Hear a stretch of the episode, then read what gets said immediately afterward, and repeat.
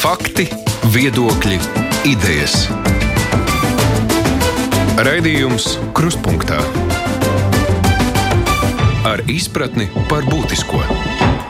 Studijā Mārija Ansone. Šodien krustpunktā mūsu galvenais sarunas temats būs drošība. Tepat netālu Baltkrievijā norisinās Krievijas un Baltkrievijas kopīgās militārās mācības Zapad 2021, un tas notiek laikā, kad Baltkrievijas un Rietuma attiecības ir visnotaļ sliktas, turklāt pāri Baltkrievijas robežai. Eiropas Savienībā ir tāda, uz Eiropas Savienību ir palielinājusies migrācijas plūsma. Militārās mācības notiek arī pie mums Latvijā, to aktīvā fāze norisinājās arī galvaspilsētā un bija cilvēki, kur bija sašutuši par šī fakta nepietiekamu izziņošanu. Par to un citiem jautājumiem mēs runāsim šodien, ja mūsu studijā ir aizsardzības ministrs Artis Pabriks. Labdien! Labdien! Kopā ar mums, kā parasti, ir arī žurnālisti Kārlis Arājs no portāla Delfī. Labdien, Kārli! Sveiki! Un Jānis Kupels no žurnāla Dienas biznesa. Labdien! Labdien! Uh, labdien! Jā, es klausītājiem atgādināšu, mūsu tāruņa numurs studijā ir 6722, 888, 672, 559, Jūs varat mums arī rakstīt uz adresi kruspunktā Latvijas radio.lv vai sūtīt ziņu no mūsu mājaslapas. Tomēr tiem, kuri mūs vēlāk raudzīsies televīzijā, gribu uzsvērt, ka zvanīt vairs nevajag un arī rakstīt vairs nevajag, jo tas jau būs raidījuma ieraksts. Tiešēdē mēs esam tikai Latvijas radio viens. Jau pieminētās militārās mācības namēs, kas norisinājās tajā skaitā arī Rīgā, un sociālos tika izplatīts video ar uh, nobiedēto māmiņu un bērniņu, kuriem uh, aizmugurē ir karavīrs, kurš šauj. Um, NBS teica, ka viņi ir bijuši brīdināti par mācību norisi, bet, uh, nu, katrā ziņā šis video tomēr tapā. Tas eh, tika ļoti plaši izplatīts, ažiotāža sociālajos tīklos bija liela, sašutums arī bija liels. Vai jūs pieļaujat, eh, nu, tas, protams, arī tika parādīts pēc tam uh, Krievijas masu mēdījos. Vai jūs pieļaujat, nu, ka tā ažiotāža tika arī mākslīgi kurināta, lai kaut kā diskreditētu mūsu bruņotos spēkus? Nu, Pirmkārt, mums ir jāsaprot, ka sociālos tīklos ļoti daudzas lietas tiek mākslīgi kurinātas, jo nu, tā ir sociālā tīkla īpatnība. Bet e, par konkrēto lietu mēs esam jau gana daudz analizējuši. Tiešām ir e, bijušas diezgan daudz dažāda tipa reakcijas. Kopumā man jāsaka, ka mm, sabiedrībā par spīti atsevišķām sūdzībām tomēr mācības namējas ir uzņemtas ļoti pozitīvi un liela daļa cilvēku ļoti pareizi un labi saprot, kādēļ tās ir vajadzīgas. Un jāatgādina, ka šādas mācības pilsētu vidē reāli reālā pilsētvidē jau nenotiek nemaz pirmo reizi. Tā kā nu, jau tas ir vairākus gadus, un, eh, protams, ka aizsardzības nozara, bruņoties spēka aizsardzības ministrija par šīm mācībām ļoti plaši ziņoja visos iespējamajos uh, veidos. Uh, līdz ar to es domāju, ka cilvēkiem, kas par to varbūt nebija pietiekami informēti, nu, varbūt ir jāuzdod tomēr jautājums sev, vai viņi ir gana zino, zināt griboši. Tas arī ir svarīgi šajā fragmentētajā mēdīju vidē. Tas ir viens. Otrs, um, man ir jāpasaka, ka mēs, protams, arī pastiprināti pētījām šo konkrēto gadījumu, uh, kur mēs redzam šo video ar šo sievieti un šo tiešām pārbijušos bērnu. Uh, jā, viņa tika brīdināta pirms viņa devās uz šīs ielas. Viņa uz šīs ielas dzīvoja, acīm redzot, nevēlējās pagaidīt, kamēr šī konkrētā mācība epizode beigsies. Uh, Mēs esam saņēmuši arī vēstuli no viņas, nesen. Eh, un eh, es domāju, ka arī viņai ir zināms sašutums, un īstenībā tas sašutums ir par vienu citu lietu, pat vairāk, proti par to, ka šis video, kas tika uzņemts, nu, to uzņēmis ir svešs cilvēks, un viņš ir izplatījis visur Latvijas sociālos tīklos, un, protams, ka to ir ļoti baudkāri pārņēmuši arī Krievijas masaziņas līdzekļi, vēršoties ar savu propagandu pret Latvijas bruņotiem spēkiem un pret Latviju. Un, uh, mēs esam izlēmuši, ir dots rīkojums arī ar šo kundzi tikties. Uh, un, uh, es domāju, ka mēs vēlreiz mēģināsim, protams, viņai paskaidrot, un mēs atvainojamies par, šo, par šī, protams, bērnu izbīli. Nu, diem, tas nav labi. Protams, ka nav labi, ja bērniņam ir kāds pārdzīvojums, bet mums ir jāsaprot, ka tādā situācijā, kur nu, cilvēks dodas iekšā, kur šie trokšņi var būt, nu, viss kas var notikt. Līdz ar to par to mēs viņai jau esam arī atvainojušies. Mēs organizēsim viņai tikšanos ar zemesardzes vadību vēlreiz šīs lietas paskaidrosim, un mēs esam gatavi arī viņai palīdzēt, ja, ta, ja viņa to vēlēsies, vērsties um, arī attiecīgajās tiesības sargājošajās institūcijās par viņas privātuma aizskārumu, jo neviens jau ar viņu šī video publicēšanu nav saskaņojis. To vienkārši garām gājēji cilvēks ir viņu uzfilmējis un uh, arī visur izplatījis pasaulē. Un šeit es domāju, Mums ir jāsaprot, kā sabiedrībai, ka pirmām kārtām cilvēkam tomēr eksistē šīs tiesības uz privātumu. Parasti, nu, tad, kad mēs redzam tur politiķus vai ierēģus uh, dažādās privātās situācijās, tad tas mums šķiet interesanti. Bet, nu, redziet, tad, kas skar mūs pašus, tad tas vairs nav tik interesanti. Un es domāju, ka mums politiski ir jāsaprot, ka privātās tiesības šajā mūsdienu modernajā sociālajā vidē ir visapdraudētākās. Un šeit mēs, ja kundze būs, um, teiksim, tā vēlēsies, mēs mēģināsim viņai arī palīdzēt, um, nu, teiksim, tā vest pie prāta arī šo publicētāju. Bet uh, jūs esat interesējušies, kurš ir video autors un kurš izplatīs? Mēs zinām viņa vārdu. Cik es saprotu, arī no vēstules šī kundze ir pie viņa vērsusies bez atbildes. Es domāju, ka šeit arī Latvija atbildīgām institūcijām, kas, kas runā gan par autortiesībām, gan par privātumu aizskārumu, šis ir tas gadījums, kuru vajadzētu rūpīgi izmeklēt. Kas attiecās uz pašām mācībām, nu, man ir arī jāpasaka sabiedrībai, ka pašreizējos strateģiski, nu, teiksim tā, ģeopolitiskajos apstākļos mēs noteikti šāda veida mācības turpināsim pilsētvidē, jo mūsu uzdevums ir aizsargāt Latviju, aizsargāt Latvijas cilvēkus, un tas nav iespējams eh, nedarot to reāli vai darot tikai uz papīra. Un, un man jāsaka, ka arī Krievijas propaganda, nu, viņi ļoti labi saprata tas, ko, E, to, ko mēs darām un cik mēs to kvalitatīvi darām. Un, kā man teica dažs labs zemesargs pēc tam, ka viņi pat ir nu, diezgan augstu novērtēti, jo šo zemesargu e, darbība pie Latvijas aizsardzības ministrijas tika nosaukta par tā saucamā Latvijas spēcināzu darbību. Nu, ja zemesargu salīdzina ar Krievijas spēcināzu, paldies, e, es saprotu, ka mēs darām darbu labi. Kolēģi Kārli. Jā, nu, jau sākām runāt par Krievijas mēdīju telpu, tad arī vai mēs šobrīd tiešām nevaram runāt par tādu kā hibrīdu karāto informatīvā kara fronti, kas ļoti būtiski attīstās. Un, e, Attiecīgi jautājums, ko aizsardzības ministrija roku rokā ar NBS dara, lai, teiksim, šajā frontē mums būtu panākumi un mēs, nezinu, teiksim, pretriecienu varētu dot.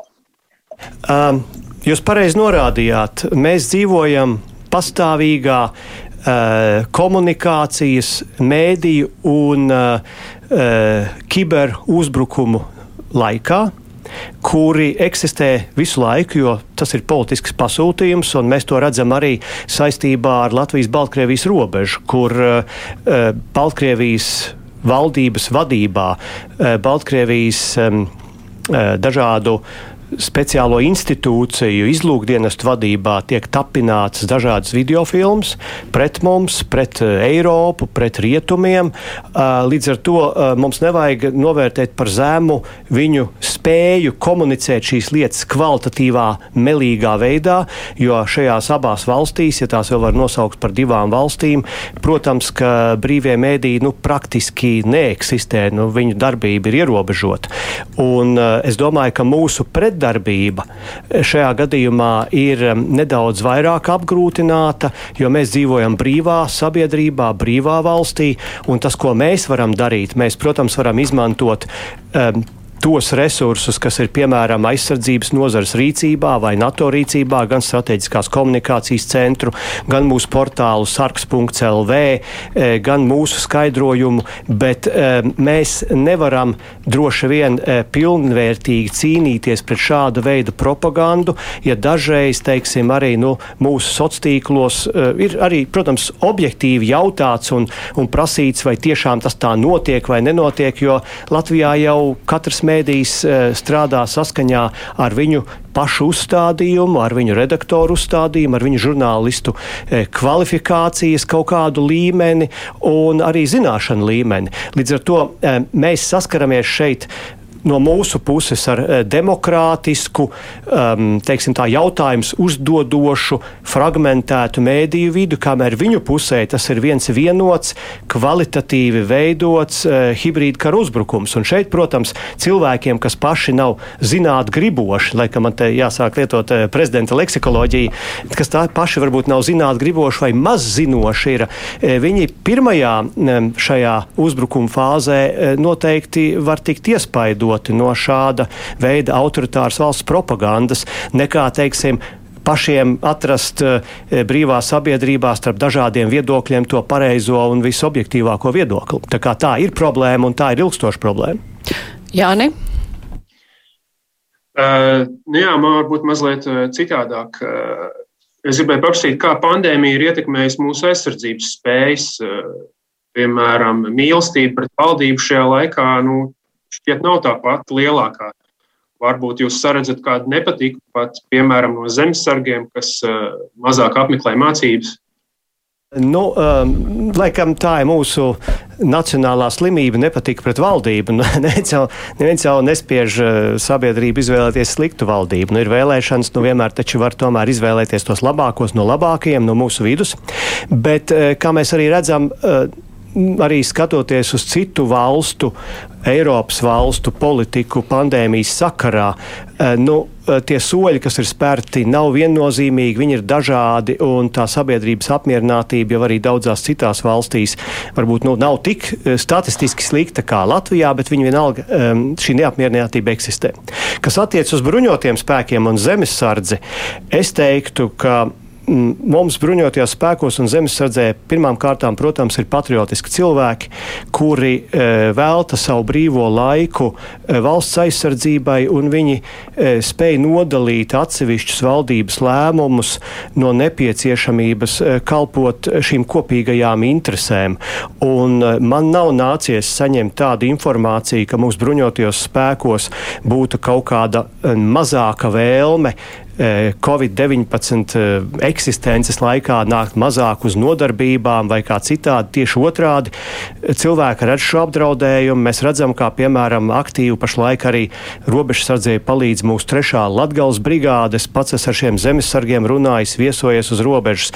Es teiktu, ka tas pacēlums arī šajās namēju mācībās, kur piedalījās gandrīz desmit tūkstoši eh, Latvijas sargu, gan eh, no profesionālā dienesta, gan no zemesēdzes. Tas vienkārši parāda, ka mūsu kapacitāte, mūsu spējas aug ar katru gadu, un tas morālais eh, uzstādījums ir bruņotajos spēkos ļoti augsts. Es teiktu tā, ka, nu, nedod Dievs, mēs kādreiz nonākam līdz hipotētiskai krīzei, mēs šie konkrētie karavīri, zemesargi ir gatavi aizstāvēt katru zemes fleķīti, katru pilsētu, katru māju. Tikai ļaujiet viņiem mācīties to darīt. Runājot par mācībām, mums klausītāji arī ir atsūtījuši vairākas vēstules. Uh, tur ir gan teikts, ka tas, ka tika parādīts sižets ar māti un bērnu, nav nekāds privātums, ko citi nedrīkstētu zināt, bet armijai laikā, kad nenotiek karš, cilvēki nav jābaida. Tas ir tāds viens komentārs. Ir arī pārmetums masu mēdījiem, tajā skatā Latvijas radio, kur pārāk maz teica, ka NBS ir brīdinājis konkrēto sievieti. Un uh, savukārt uh, klausītāji cita vaicā, vai šādas mācības nevajadzēja rīkot skrundas lokatoru pilsētiņā, vai šāda treniņa strateģiski jārīko tā, lai viss, kam nav slinkums, var filmēt un sūtīt, fil sūtīt filmēto Krievijas plašas, plašsaziņas līdzekļiem, un vai citās Eiropas Savienības valstīs, konkrēti pilsētās, rīko līdzīga veida mācības. Es apkopoju Jā, nu, daudzus jautājumus. Mēģināšu vienā. atbildēt.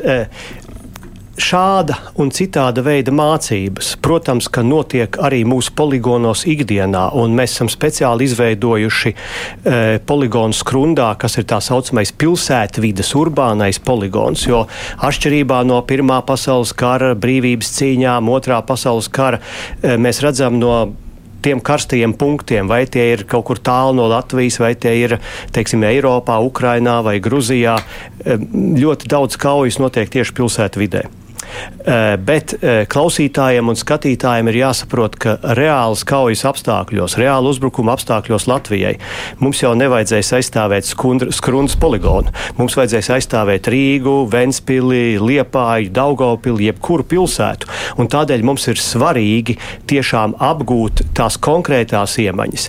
Otrām kārtām, ko mēs redzam arī no modernās mm, sabiedrības, mēs redzam, ka hibrīda kara apstākļos bieži šādas cīņas notiek arī tur, kur tie cilvēki staigā apkārt. Nu, mēs taču arī skatāmies e, YouTube vai video filmas, kur notiek kara darbība, un tur kāds skrien uz veikalu, viens gribēs iet uz Rīgā, viens gribēs kaut ko nofilmēt. Tā, diemžēl, var būt arī reālā kara vide, hibrīda kara apstākļos. Ar to mums ir jārēķinās. Un ne jau velti mēs arī pēdējos gadus e, vēršam sabiedrības uzmanību uz vairākām lietām. Uz tā saucamo visaptvarošo valsts aizsardzību, kas liek sabiedrībai pierast un saprast, ka viņiem arī ir jārēķinās ar uh, to, ka jāpadomā par aizsardzību, par drošības lietām ikdienā. Jūs nevarat domāt tikai par uh, apelsīnu lati vai par, eh, teiksim, stabiņiem uz ielām vai kaut ko citu. Jums ir jādomā arī par drošību. Un man šķiet, ka lai arī varbūt dažam labam ir nepatīkami dzirdēt šāvienus uh, Rīgā vai kādā citā pilsētā, jo Rīga nav vienīgā pilsēta, kur mūsu armija šādas mācības uh, izvērsa, bet uh, tā var būt šī rūgtā realitāte, pie tā drusceņi ir jāpierod un jāmāk arī izprast, ko tu kā cilvēks, kā civilais cilvēks šeit darīs. Tas, ka viņa tiek filmēta, lai viņi filmē, lai viņi skatās, lai viņi redz, cik kvalitatīvi mēs darbojamies, un lai zinātu, ka mēs esam spējīgi un uh, gribam un varam sevi aizstāvēt. Uh, un, uh, kas attiecās, bija vēl kaut kas laikam par to, vai citās Eiropas valstīs.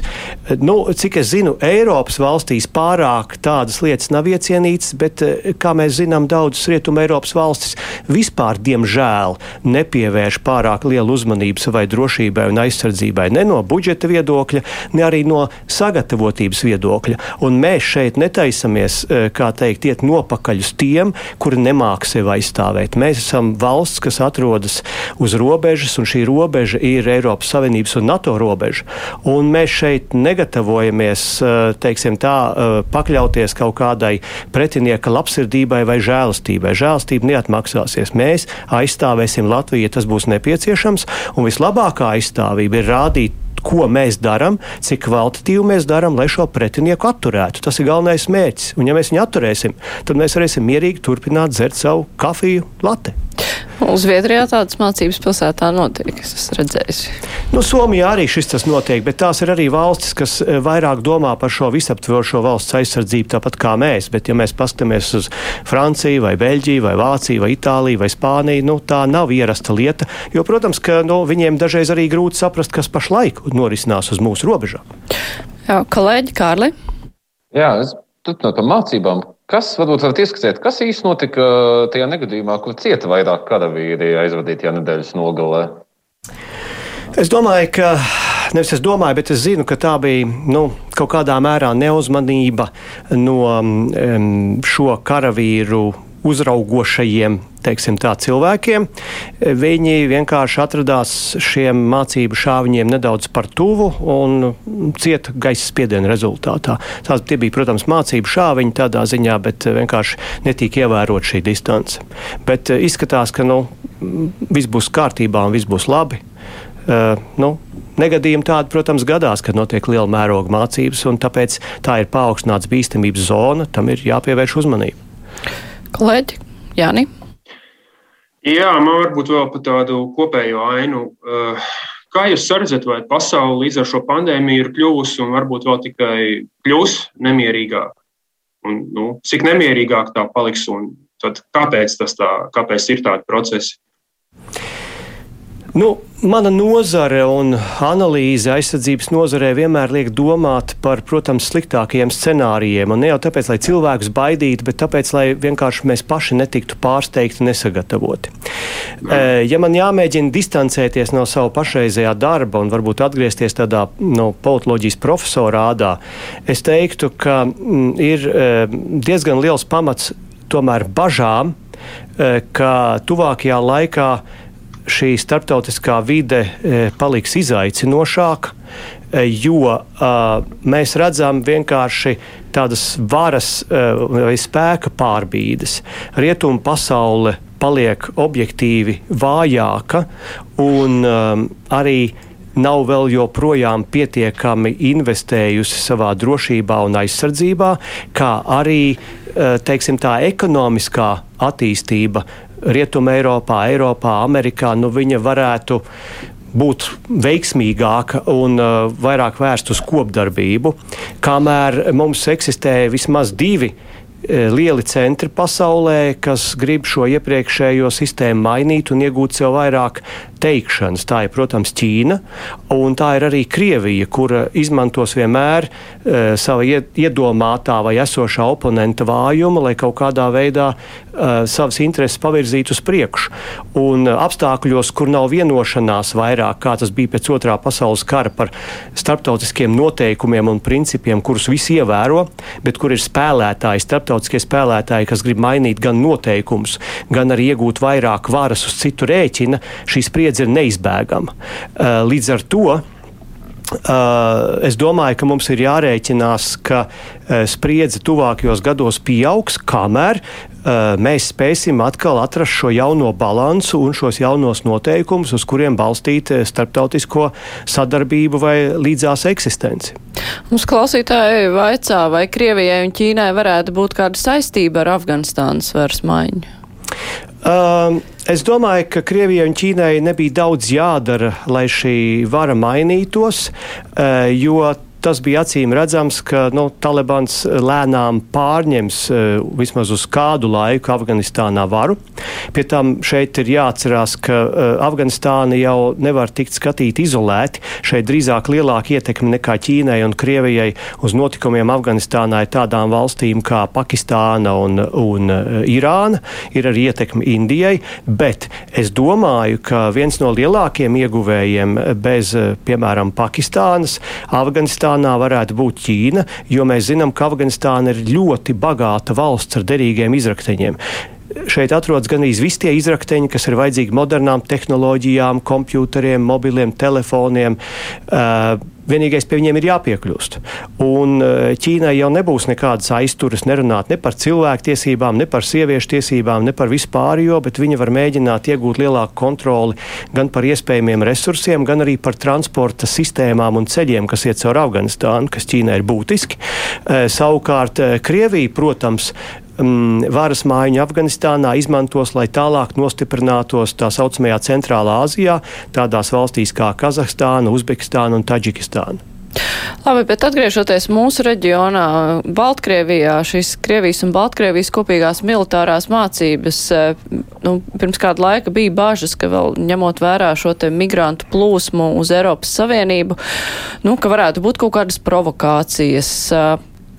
Kā tagad izskatās? Nu, tas viss būs aizritējis mierīgi, nekādu provokāciju, vai nu, ir jāgaida, kamēr viss patiešām būs beidzies? Mm. Nu, pirmām kārtām jau šī um, organizētā migrantu plūsma pati pa sevi ir provokācija, un viņi joprojām turpinās. Un, uh, es esmu priecīgs, cik man ziņo, ka nākot šeit arī uz rādio, uh, izskatās, ka Eiropas cilvēktiesība tiesa ir atcēluši šo pagaidu regulējumu attiecībā uz Latviju vai Baltijas valstīm, uh, kas tika izdots pirms pāris nedēļām. Tas praksē neko mums nemaina, jo mēs jau iespēju robežās šiem migrantiem robežu zonā tāpat sniedzam palīdzību, bet tas nozīmē, ka beidzot arī līdz Eiropas cilvēktiesību tiesai ir aizgājuši šī reālā informācija par to, kas notiek.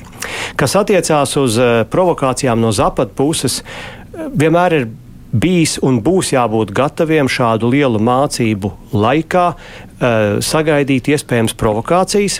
Tāpat tās um, ir pilnīgi skaidrs, ka uh, šeit tomēr bija koordinēta analīze arī no Baltkrievijas un Krievijas puses starp zapadu mācībām un šo migrācijas plūsmu.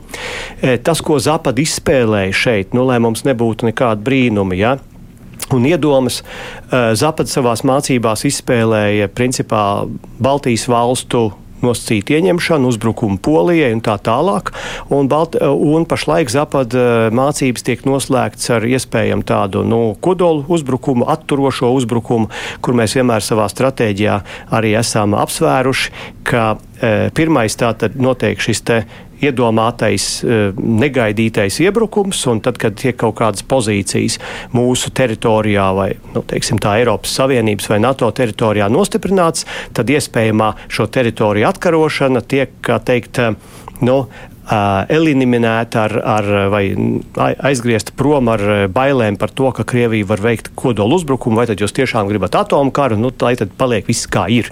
Un tas liek mums vēlreiz saprast to, ka mums ir ļoti nozīmīgas kaut kāda eventuālā kara gadījumā tieši šīs pirmās stundas, pirmās dienas, un tieši tāpēc mums ir ļoti liela uzmanība jāpievērš tieši paši, pašiem saviem bruņotajiem spēkiem, eh, zinot to, ka vienmēr paies kaut kāds laiks, kamēr šī palīdzība mums atnāks. Eh, un tāpēc arī mēs ļoti lielu uzmanību pievēršam tam, lai šeit pēc iespējas vairāk tomēr uzturētos mūsu sabiedroto karaspēks, kas nu, vienkārši tādas krīzes situācijā varētu palīdzēt Latvijas bruņotajiem spēkiem. Tā kā mums ir pilnīgi skaidrs, ko oponents plāno, jo mēs šīs zapad mācības vērojam, mēs analizējam, mēs viņus redzam, klausamies, dzirdam, un mēs attiecīgi arī rīkojamies. Un tādēļ arī ir tādas mācības kā namējas pilsētvidē. Kolēģi, Jāni? Jā, tad viens vēl interesants jautājums ir varbūt tādās divās daļās. Kas pēc jūsu domām būs ar mūsu militāriem tēriņiem pēc, pēc pandēmijas laikā? Ja jau pasaule kļūst nemierīgāka, tiem vajadzētu augt. Bet no otras puses, tur to saudzēt būs grūti, jo es pieņemu, ka tad būs jāsāk mazināt atkal pandēmijas laikā augšais budžeta deficīts. Neviens tad negribēs kaut kādas tēriņas samazināt. Ja? Jautājumi. Tā ir arī interesanti. Ir... Tas viens, es piedodiet, piemēram, arī nu, Zviedrija kas gan nav NATO, man liekas, viņa, ja nemaldos, solīja piecu gadu laikā paaugstināt savus militāros, eh, savu militāro budžetu par 40%.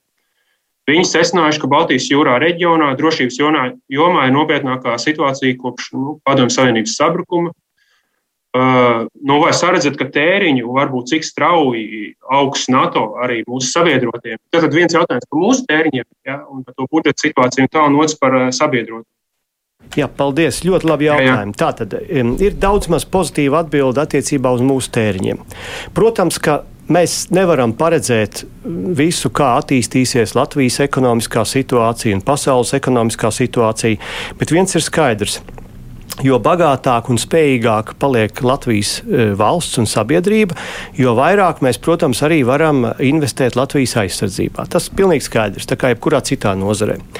Lai mēs atvieglotu e, šo cilvēku atbalstu Latvijas uh, aizsardzības budžetam, kā jūs varbūt esat ievērojuši, mēs esam spēruši ļoti nopietnus soļus uz priekšu, lai sasaistītu Latvijas militāro spēju, aizsardzības spēju, reālās kaujas spējas palielināšanu ar uh, Latvijas ekonomisko izaugsmi. Un es šeit negribu lielīties, bet es tiešām domāju, ka mēs lēnām uh, pārvēršamies par tādu otro ekonomikas ministriju, uh, jo mēs uh, cenšamies. Uh, maksimāli tos līdzekļus, kas mums ir atvēlēti, arī um, atdot atpakaļ ar izaugsmi Latvijas ekonomikā, darba vietu radīšanā, eksporta veicināšanā un inovāciju radīšanā. Un es domāju, ka tas arī parāda to, ka jo vairāk jūs dodiet bruņotajiem spēkiem, jo mēs, eh, teiksim, progresijā, ļoti strauji augošā progresijā caur mūsu militāro industriju, mēs audzējam Latvijas, es teikšu tā, ekonomisko varenību. Es domāju, viens piemērs mums ir uh, mums ir tiešām šis jaunais līgums eh, par bruņu mašīnu patriju iegādi, kur no 200 miljoniem, kas mums ir jāsamaksā, lai šīs bruņu mašīnas iegādātos, no aptuveni 63 miljoni tiks no Somijas valdības eh, un no šī uzņēmuma atgriezti Latvijas ekonomikā, lai pirmo reizi Latvijas vēsturē pēc neatkarības atjaunošanas mēs ne tikai ražotu mašīnas no nulles līdz izripošanai no fabrikas, bet tās būs bruņu mašīnas. Tas nozīmē jaunas darba vietas, tas nozīmē jaunas iespējas mums pašiem sevi apgādāt, un tas nozīmē arī eksporta iespējas un iespējas ražot kaut ko kvalitatīvu, jo man ir vienošanās ar Somijas aizsardzības ministru, kur viņš ir parakstījis mēns uz balta ādažu bāzi ar mani kopā, ka arī tad, kad būs kāda trešā valsts, un būs tādas valsts, kas vēlēsies šīs mašīnas iegādāties, Latvija būs starp eksportētāju valstīm. Somija pārdos, un mēs pārdosim. Ja? Tā ir, tas ir viens piemērs. Otrs ir, mums ir ļoti strauja attīstība ar, ar uh, dronu ražošanu, kas ir nu, neviena modernā uh, armija valsts nevar iedomāties sevi pēc, bez moderniem droniem. Mums ir dots uzdevums pāriet no šiem izlūkošanas droniem arī uz spēju radīt kaujas dronus. Mēs strādājam pie dažāda veida cita tehnoloģiju, IT tehnoloģiju ieviešanu um, armijā piesaistot gan zinātniekus, gan arī viņus sasaistot kopā ar visiem Latvijas uzņēmējiem. Mēs ražojam un plānojam paplašināt munīcijas ražošanu Latvijā. Mēs e, plānojam veidot ļoti labas kvalitātes e, pārtikas produktus, kas varētu glabāties līdz pieciem vai vairāk gadiem, kas ir būtiski pašlaik. Un šīs visas lietas jau attīst Latvijas ekonomiku un nozari. Um, kas attiecās tīri procentuāli, mm, es domāju, ka mums ir svarīgi pirmām kārtām eh, vienmēr nākotnē saglabāt uh, 2% plus, bet vēl svarīgāk, kā mēs esam runājuši arī ar saviem kolēģiem un tuvākiem draugiem, Igauniem, Lietuviešiem, Poļiem pašlaik, ir, lai katru gadu uz priekšu skatoties, Latvijas aizsardzības budžets būtu tomēr ar izaugsmi. Jo tad mēs spējam investēt ne tikai savās kaujas spējās, bet mēs spējam arī investēt Latvijas tautsēmniecībā. Desmit gados tā mūsu militārā industrija ir ļoti tālu augusi. Un tuvākais, kas mums ir bijis, man ir eh, šo pirmdienu bijusi tikšanās arī ar Eh, Amerikas Savienoto Valstu pārstāvjiem, ar Heidiju Grantu un citiem, kuri lemj par eh, militāro un finansiālo atbalstu Latvijai. Es esmu arī viņiem devis saprast, ka viena lieta ir tā kā viņi to līdz šim ir darījuši, palīdz ar finansēm, un tad mēs iegādājamies kaut kādas tehnoloģijas vai ieročus no Amerikas Savienotajām valstīm, bet mums ir svarīgi, lai tas tiktu sasaistīts arī ar um, lielākām ugunsspējām un ar Latvijas ekonomisko izaugsmu, lai šeit būtu arī amerikāņu investīcijas. Un tuvākais, kas mums ir plānots, mums ir plānots arī ar atsevišķām valstīm, tā kā piemēram arī ar Turciju, kas ir viena no tādām nopietnām eh, industriālajām, militārās industrijas valstīm, arī šīs kopīgās tās industrijas dienas, kur mēs gribam uh, savest kopā šos uzņēmējus no abām valstīm, lai atkal kaut ko ražot vairāk Latvijā, lai varētu eksportēt. Un mums ir ko piedāvāt jau. Nav tik daudz kā tā, tādās lielās valstīs, bet ir ko piedāvāt. Tāpat tās es esmu arī iepazīstinājis uh, savus vizītes laikā Balkānos, gan uh, NATO dalību valstu Albāniju, gan Kosovu ar to, ko mēs spējam ražot, lai varbūt viņi pērk no mums. Tā kā es ceru, ka to sabiedrība redz, ka sabiedrība saprot un sabiedrība arī ne tikai Rīgā, bet reģionos redz, ka tā ekonomiskā izaugsme notiek pateicoties Latvijas armijai un aizsardzības ministrijai. Jā, man ir jāatgādina Latvijas radio klausītājiem un Latvijas televīzijas skatītājiem, ka šodien kopā ar mums ir aizsardzības ministrs Arts Pabriks un arī žurnālisti Jānis Šķupelis no žurnāla dienas biznesa un Kārlis Arājs no portāla Delfa. Mēs tūlīt turpināsim. Raidījums Krustpunktā. Mums klausītāji raksta arī saistībā ar Zapadu. Es apvienošu atkal divus jautājumus. Viens klausītājs interesējas par valsts plāniem, nu, par Ukrainas sit iespējamo situāciju Latgalē, jo ja armijai nav plāna noturēt zemi Krievijas agresijas gadījumā, bet gan kavēt virzību, cerot, ka NATO ieradīsies palīgā. Tad kāda ir? Valsts plāni aizstāvēt. Un otrs jautājums ir, vai tas, ka Zapad mācību laikā Daugalpils šosei nobliķēja smagā automašīnu ar vēja ģeneratoru spārnu, bija nejaušība, vai kā tas tiek uzskatīts? Eh, kas attiecās uz eh, Latvijas valsts aizsardzības plāniem, protams, ka tie ir slepeni un mēs eh, nu, netaisamies viņus iztirzāt publiski. Bet es varu vēlreiz apgalvot, ka mēs negatavojamies nevienam atdot nevienu Latvijas metru tāpat par brīvu. Un tas galvenais uzdevums mums ir vienkārši arī oponentiem parādīt, kur nav muļķi, kur ir gudri, ka tā cena, ko viņi maksās par jebkuru iespējamu agresiju pret Latvijas valsti, būs pārāk dārga salīdzinot ar to, ko viņi spēj iegūt. Un tas ir mūsu galvenais uzdevums. Un ir skaidrs, ka mēs esam NATO dalībvalsts, ir skaidrs, ka mēs esam Eiropas Savienības dalībvalsts, bet uh, mums ir maksimāli jāiegulda pašiem savās spējās. Un es teiktu tā, ja mēs esam alianses dalībvalsts, mēs esam Eiropas Savienības dalībvalsts, bet mums pašiem pie sevis ir jādomā, nu, teiksim, tā kā Somiem. Mēs paši paļaujamies pirmām kārtām uz sevi, un tad uh, mums palīdzēs arī citi. Un es iepriekš neatbildēju uz to jautājumu par izdevumiem citās valstīs Eiropā. Nu, Mēs visi strādājam pie tā, mēs pieprasām arī no viņiem, mēs vienmēr par to runājam Briselē un citur.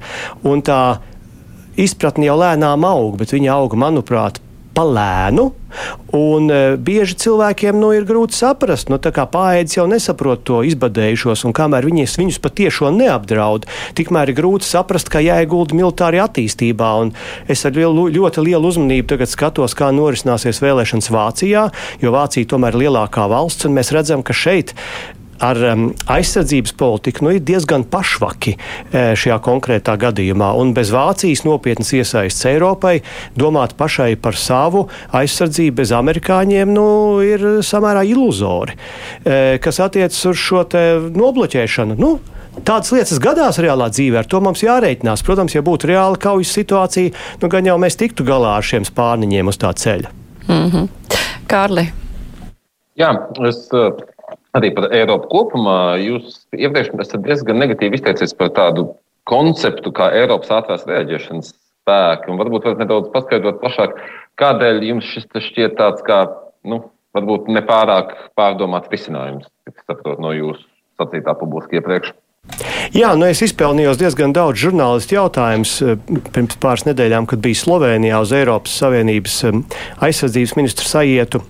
Eh, kāpēc ir mana skepse? Ne jau tāpēc, ka es negribētu redzēt lielākas spējas Eiropas Savienībā, bet man liekas, ka dažreiz Eiropas Savienībā tāda, nu, ir joprojām pastāv Briselē tāda ierēdnieciska domāšana, kur domā, ka ja viņi uztaisīs jaunu plānu, vai viņi, teiksim, pieņems kaut kādu jaunu iniciatīvu, atvainojos, tad drošības jautājumi tiks atrisināti. Tā nebūtu tas nav. Un, kāda jēga mums ir runāt par kādiem Eiropas Savienības ātrās rēģēšanas spēkiem, ja mums eksistē patiesībā jau vairāk kā desmit gadus tās saucamās Eiropas kaujas grupas, kuras nekad nav izmantotas, neviens nezina, kā viņas izmantot, viņas it kā kopā trenējās. Nu, šīs jau arī ir kaut kādas ātrās rēģēšanas e, spēku sastāvdaļas, bet neviens viņām nav pievērsis uzmanību. Tad, mīļie draugi, pārējās Eiropas valstīs atrisiniet šo jautājumu, pasakiet, kā jūs viņus izmantosiet, kur jūs viņus sūtīsiet, kā tas notiks, un tad runāsim tālāk. Bez tam runājot par tā saucamiem ātrās rēģēšanas spēkiem, nu, kas tad tur būs, e, kā tad viņi reaģēs, kas viņus komandēs. Manā izpratnē tā ir tāda, es atvainojos, drusku tukša pļāpāšana, lai aizmēlētu acis un pateikt, ka notiek reāla darbība, kamēr viņi nenotiek. Un, e, kā mēs zinām arī no pēdējiem izteikumiem, ko pat e, teica Vācijas aizijošā kanclere Merkele, ja nemaldos, ja mēs runājam par drošību un spējām, tad šeit atbildes slēpjas dalību valstu savstarpējās sarunās, nevis Briselē. Valdību vadītājiem, aizsardzības ministriem šeit ir jālem par šīm lietām un jāvienojas. Nevis, eh, nu, teiksim, Briseles ierēģiņu vidū. Tur tas tā nevar notikt, jo, jo komisija jau beig beigās ir eh, tā, kas vairāk vai mazāk tomēr seko tam, ko valstu vadītāji lemj. Jo mēs neesam šeit vienota valsts kā Eiropas Savienība. Klausītāji interesējas par Baltkrievijas robežu, vai jūs esat runājuši ar eh, NATO un Eiropas Savienības partneriem, ka viņi varētu finansiāli palīdzēt stiprināt eh, šo robežu, kas eh, nav līdz galam izbūvēta? Jā, Es šo jautājumu arī uzrunāju ar saviem kolēģiem, un man bija diezgan, nu, kā to lai pasaka, nu, Dažlaps varbūt uztver kā asāku vārdu apmaiņu, bet es teiktu vienkārši godīgi atklāt sarunu ar um, ārējo lietu pārstāvi Borelu kungu, jo um, šeit, uh, tad, kad mēs prasām, nu, ko tad Eiropas Savienība mums šādā hibrīda uzbrukuma laikā var palīdzēt, tad uh, reāli nav paredzēts finansējums, teiksim, ārējās robežas nodrošinājumam. Mums varbūt tās kāds no komisāriem var piešķirt palīdzību bēgļu nometnes izveidē, bet nevis, lai mēs nostiprinātu robežu, un uz to es arī norādīju. Man šķiet, ka m, mm, tā mošanās m, lēnām Briselē notiek, un es domāju, ka mēs eventuāli nākotnē nonāksim līdz situācijai, kur varēs arī no Eiropas līdzekļiem e, finansēt robežu, teiksim, modernu izbūvi, jo tā ir Eiropas Savienības ārējā robeža, bet ir jā jā, nu, jāveic lielāks pārliecinošais darbs, lai cilvēki beidzot to saprastu, ka tas ir svarīgi. Tas ir svarīgi ne tikai Latvijai, tas ir svarīgi e, visai Eiropai. E, nu, to dzirdot, kā jūs zināt, Slovenijas e, aizsardzības ministrs e, mums uzreiz uzdāvināja savus 5 km no šī drāša žoga. E, tas paradoks jau ir, nu, mēs redzam, kā krīzes situācijā tas notiek. Es viņiem jautāju, nu, nu kā tad, kāpēc tev viņš ir rezervē, jo bieži nu, tādas rezerves jau netiek daudz uzkrātas, tas ir pārāk arī dārgi. Viņš man, nu, es nezinu, vai to vajadzēja īstenībā rādio teikt, bet viņš saka, nu, zin kā, nu, mēs jau arī gājām demokrātisko ceļu, mēs taisījām iepirkumu, kamēr uztaisījām iepirkumu 15. gadā, tā migrācijas krīze tur viņiem beidzās. Līdz ar to nu, viņam ir, viņš šie liekie kilometri palikuši, un mūsu gadījumā arī mums, kā valsts pārvaldē, ir jāsaprot, ka tad, kad mēs nonāksim hibrīda uzbrukumu krustpunktā, kad mēs nonāksim, nedod Dievs, vēl kādu citu uzbrukumu krustpunktā. Nu, nevarēsim mēs iet vienmēr tādas klasiskās procedūras, kur mēs visiem varēsim šai mirklī atskaitīties. Nu, robežas sen būs pāriet, kamēr mēs vēl varbūt tās sūtīsim uh, iepirkējus kaut kur uz ārzemēm kaut ko nopirkt. Mums tad ir jārīkojas šodien, mums ir jārok grāvi šodien, mums tas ir jāizdara uzreiz. Uh, līdz ar to par šiem pieciem kilometriem no Slovenijas mēs esam pieņēmuši lēmumu arī, ka mēs kā bruņoties spēki, um, izmantojot savas inženiertehniskās spējas, mēs nāksim nāksim palīgā robežsardzē un mēs paši uzstādīsim šos 5 km. Es ļoti ceru, es negribu tādu nu, publiski apsolīt, bet es ļoti ceru, ka tiklīdz mēs nākošu nedēļu saņemsim šos 5 km, tad mēs tuvākā laikā viņus arī uzliksim. Ja, protams, netiks likt kaut kādi, netiks likt kaut kādi, es nezinu, man nezināmi birokrātiskie šķēršļi, jo mēs šeit gaidīt nevaram vairāk. Kurā vietā jūs viņus liksit, vai izvēlēsieties paši? Nē, nu, tur jau tad plāns? mums ir jāskatās no situācijas, un tur mēs konsultēsimies, protams, ar iekšlietu ministriju, lai nu, tādās vietās, kur, kur tas ir šai mirklī visbūtiskākais. Protams, ka 5 km tas jau ir tikai tāda maza daļiņa, bet uh, tas tikai nu, parāda to, ka mēs esam gatavi iesaistīties, jo vēlreiz gribu atgādināt, mēs, mēs kā aizsardzības nozara NBS, mēs neatbildam par robežu šādā veidā. Tā ir uh, citas ministrijas, tā ir robeža robežsardzes atbildība, bet mēs darām visu, lai palīdzētu. Kolēģi, Jāni? Jā, tad varbūt nedaudz pārī par mūsdienu hibrīdu karu. Tāds interesants variants ir, ņemot vērā to, ka tomēr netiek izslēgta iespēja, ka Covid-19 ir nu, cilvēku radīts vai uz to pusi. Kādus riskus rada tāda realitāte, ka šādi vīrusi varbūt ir regulāri un ir arī daļa no mūsdienu hibrīdkāru. Un kā vispār par to cīnīties? Tad? Um, jā, eh, es personīgi esmu no tiem, kas uh, domā, ka šis vīrus ir um, kaut daļēji cilvēku radīts. Man, nu, es varu tā domāt, es nevaru to pierādīt, protams, jā. Uh, bet uh, cik es arī esmu lasījis no dažādiem pētījumiem, tad šāda un citāda veida vīrusi jau praktiski no kādas laboratorijas pasaulē ļoti bieži izbēg, izmūk vai nu, kaut kā tiek izlaisti. Un, mēs jau zinām arī no dažāda veida stratēģiju vai, vai krīžu analīzes, ka slimības tā ir viena no lietām, kas var tikt izmantot arī hibrīdu uzbrukumos. Ne jau velti gadsimtiem ilgi arī dažādu valstu armijas to ir pētījušas, gan vēdertīfu, gan bakas, gan pārējās lietas. Nu, cilvēku izdoma, kā vienam otru nonāvēt, diemžēl ir gandrīz neierobežota. Ar to mums jārēķinās. Kāda var būt atbilde? Atbilde ir e, visnotaļ e, it kā vienkārši stiprināt visaptvarošo valsts aizsardzību, par kuru mēs jau runājam pēdējos trīs gadus. Tas nozīmē, ka neatkarīgi no tā budžeta, kas tiek piešķirts mums, mums ir koordinēti jāstrādā kopā ar pārējām nozarēm, ar iekšlietām, ar veselības ministriju, ar, ar um, vidas un reģionālās, uh, reģionālā varam ministriju, ar citām. Jāmāca viņus saprast, kāda ir drošības izaicinājuma, un man jāsaka, arī namē ietvaros mums īstenībā bija ļoti laba sadarbība ar pašvaldībām un mēs varam e, šeit ar roku sirds liekot pateikt, ka izpratne par dažāda veida draudiem pašvaldībās ir pēdējos divos gados ļoti augusi. Mēs to pārbaudījām konkrēti strādājot ar šo pašvaldību, teiksim, deleģētiem cilvēkiem mm, šo mācību laikā. Tā kā progress ir, bet mums ir jāseko līdzi mūsu iespējām, kas ir sadarbībā ar, ar dažādu veidu Latvijas institūcijām, zinātniekiem, laboratorijām. Mums ir jāzina, kāda ir jaunie ekipējumi, mums ir jāzina, kādas ir jaunās zāles, bet šīs visas lietas, nu, viņas nevar tikt nodalīts zem, zem aizsardzības nozares, protams. Mēs varam koordinēt, mēs tāpatās kā ar kiberjautājumiem varam sniegt savu auditu, palīdzību, bet nu, mēs šeit nevaram valstī izveidot huntu, kur viss nosaka, nosaka bruņotie spēki. Jūs paši saprotiet. Tātad katrai nozarei ir jābūt elementam, kas domā arī ikdienā par drošību. Kolēģi Kārli.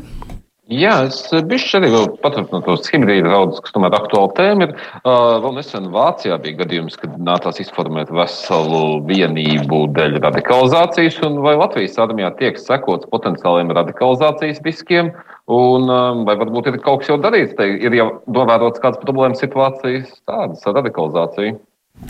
Nu, mēs, protams, eh, skrīnējam, pārbaudām gan mūsu profesionālo dienestu, eh, gan arī tos cilvēkus, kas stājas zemesardzē. Man arī personīgi nāk no cilvēkiem. Arī vēstules, eh, kuri vēlas, piemēram, dienēt Latvijas armijā, bet dažādu, varbūt tās nu, pat mazu pārkāpumu dēļ jaunībā viņiem līdz šim ir bijis liegts. Mēs šīs lietas pārskatām. Man nav uh, nekāda pamata neusticēties mūsu uh, militārās izlūkošanas un drošības dienestam, kas, manuprāt, ir viens no spējīgākajiem uh, dienestiem Latvijas valstī. Es nevaru jums ziņot uh, par to, ka mums būtu kādas problēmas uh, ar radikalizāciju. Un šeit nu, jautājums ir, ko mēs saprotam ar radikalizāciju. Es šeit atturēšos komentēt uz to, uh, ko dara uh, politiskās aprindas vai vadība Vācijā. Tā ir viņu darīšana, kā viņi interpretē radikalizāciju. Mūsu izpratnē mēs turam roku uz pulsa un mums nav tādas situācijas, kas varētu apdraudēt Latvijas sabiedrības vai valsts drošību dēļ kaut kādiem notikumiem vai cilvēkiem bruņotajos spēkos. Ja kāds indivīds parādās, nu, mēs veicam attiecīgās pārunas un darbības, un tādas problēmas neturpinās. Klausītājs raksta, es esmu Latvijas patriots, bet tomēr skatoties uz kartes, kur notiek Krievijas mācības, man rodas jautājums, ko mēs varēsim likt pretī neskaitāmajiem tankiem, lidmašīnām mm. un uh, cits, cits Jānis, varbūt tas pats Jānis, vaicā, vai nebūs tā, kā vēsturē jau ir pierādījies, ja nu gadījumā Krievi ar Baltkrieviem izspēlē reāli iebrukumu, tad mūs tie NATO un pārējie sabiedrotie vienkārši uzmetīs. Es jau, man liekas, iepriekš atbildēju uz to, ka mēs esam NATO un Eiropas Savienības dalība valsts. Mums ir pastāvīgi apliecinājumi, sevišķi jau no mūsu um, kolēģiem Amerikas Savienotajās valstīs par to, ka viņu atbalsts mums ir nesatricināms. Līdz šim uh, Amerikas Savienotās valstis nekad mūs nav pievīlušas. Vienlaikus mēs strādājam arī pie stratēģijas, kur mēs vairāk iesaistam savā reģionā gan mūsu sabiedrotos Lielbritānijā, gan mums ir arvien ciešāka sadarbība ar tādām valstīm kā uh, Ziemeļvalstis, uh, kas ir reģiona valsts, kuras saprot šo apdraudējumu, kā jau iepriekš tika minēts Baltijas jūrā, e, gan ar Somiju, gan ar Zviedriju, kur nedzīvo ilūzijās, kuriem, kā Latvijā saka, nav tikai e, zilu acu skatiens jā, uz e, problēmām.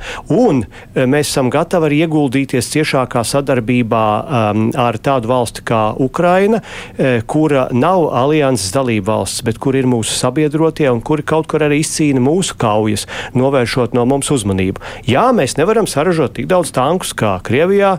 Jā, mums nav tik liela armija kā Krievijā, mums nekad tāda nebūs, bet mēs varam izdarīt maksimāli visu, lai uh, tiem iespējamajiem agresoriem pateiktu, ka, nu, mīļie draugi, nu, kam dēļ jums maksāt tik lielu cenu, kuru mēs jums paprasīsim, ja jūs kaut ko mums darīsiet. Tādēļ pirmām kārtām ir jādomā pašiem par savām spējām, pēc iespējas ātrāk un veiksmīgāk, un otrām kārtām ir jābūt starptautiski pārliecinošiem uh, ar sabiedrotiem, lai mēs piespiestu viņus saprast, ka šai palīdzībai jānāk tūlīt, un lai viņiem būtu iespējas kādu šo palīdzību sniegt. Tādēļ arī, nu, piemēram, jāstrādā ar tādu valsti kā Vācija, kurai ir ļoti grūti pārorientēties no pēckara, pat, eh, pēckara pacifisma uz eh, normālas valsts domāšanu aizsardzībā.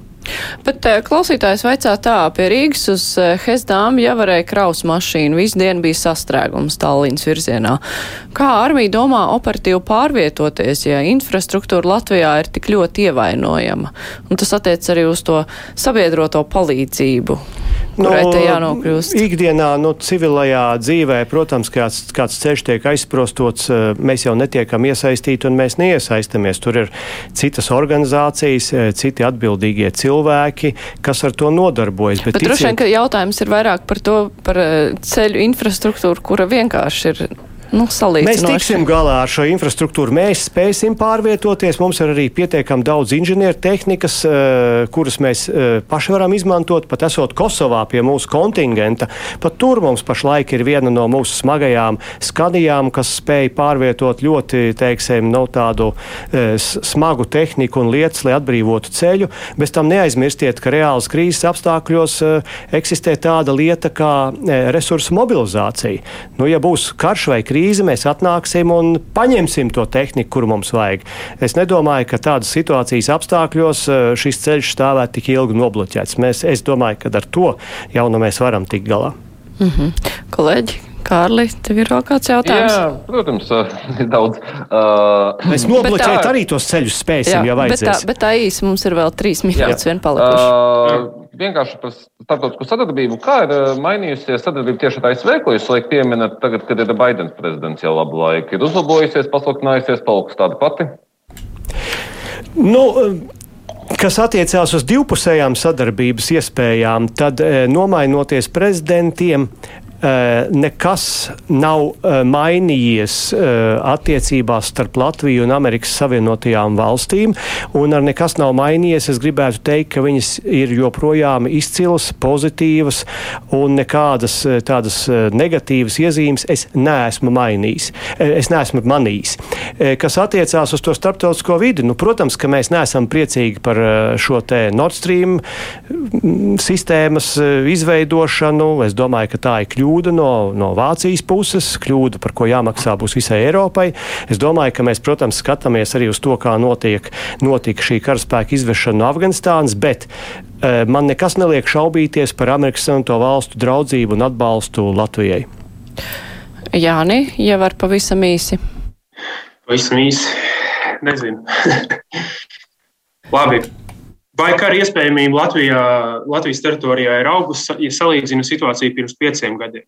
Un kur pasaulē tā ir augusi un uh, kāds mūs varētu ietekmēt? Oh, tas ir grūti atbildāms jautājums īsi. Es domāju, ka nē, e, kara iespējamība Latvijā nav augusi. Apdraudējumi ir mainījušies, bet arī mūsu spējas ir mainījušās. Nu, kaut vai skatoties arī uz šīm mācībām namēs, kas attiecās vispār uz ģeopolitisko vidi. Es šeit negribu uzreiz nosaukt reģionus, kur šī krīze varētu būt lielāka. Es pieļauju, ka viens no tādiem reģioniem iespējams ir Klusais okeāns, varbūt kaut kur citur. Bet tas, ko es teicu raidījuma sākumā, kamēr nenostabilizēsies starptautiskā vide, šie izaicinājumi no tām valstīm, kas grib situāciju mainīt, protams, padara starptautiskās attiecības vairāk draudošas. Droši vien, ka klausītājiem arī tā īsā atbilde, ka kara iespējamība nav augusi, ka tas arī bija tas svarīgākais. Esat mierīgi. Pagaidām mēs varam justies eh, droši, bet tas nenozīmē, ka mēs varam vienkārši graust čipšus un neko nedarīt. Mums ir jādomā par savu aizsardzību un par savu drošību. Jā, un ar to arī saku paldies aizsardzības ministram Artim Pabrikam, kurš paldies bija šodien visiem. kopā ar mums. Paldies, un arī kolēģiem žurnālistiem Jānis Šķupelis no žurnāla dienas biznesa un Kārlis Arājs no portāla portāla Delfi. Par, paldies, ka varējāt attālināt piedalīties mūsu raidījumā. Bet raidījuma producenti ir Ievija Unām un studijā šodien bija Mārija Ansona. Vislabāk!